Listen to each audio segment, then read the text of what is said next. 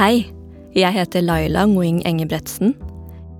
Jeg begynte i NRK i Drammen i 2016, og siden begynnelsen har kollegaene mine snakket om en kvinne i området vårt som bare forsvant. Hun hadde ikke med seg noe pass. Eh, det er mulig hun tok med seg noen penger, eh, men hun hadde ikke noe ID, hadde ikke noe telefon.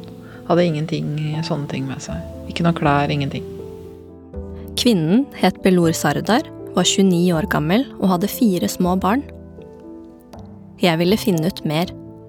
Jeg har vært hos politiet og bladd i hundrevis av etterforskningsdokumenter, og her har jeg funnet interessante detaljer som aldri før er blitt fortalt. Og jeg fikk kontakt med to av barna hennes, som forteller for første gang. Jeg tror ikke moren min ville forlatt oss, på en måte. Selv om jeg ikke husker noe av moren min, så tipper jeg at hun var glad i meg. Ja, det hadde vært fint hvis de ikke hadde trodd, og at de på en måte hadde visst. Tenk hvis hun ikke er død.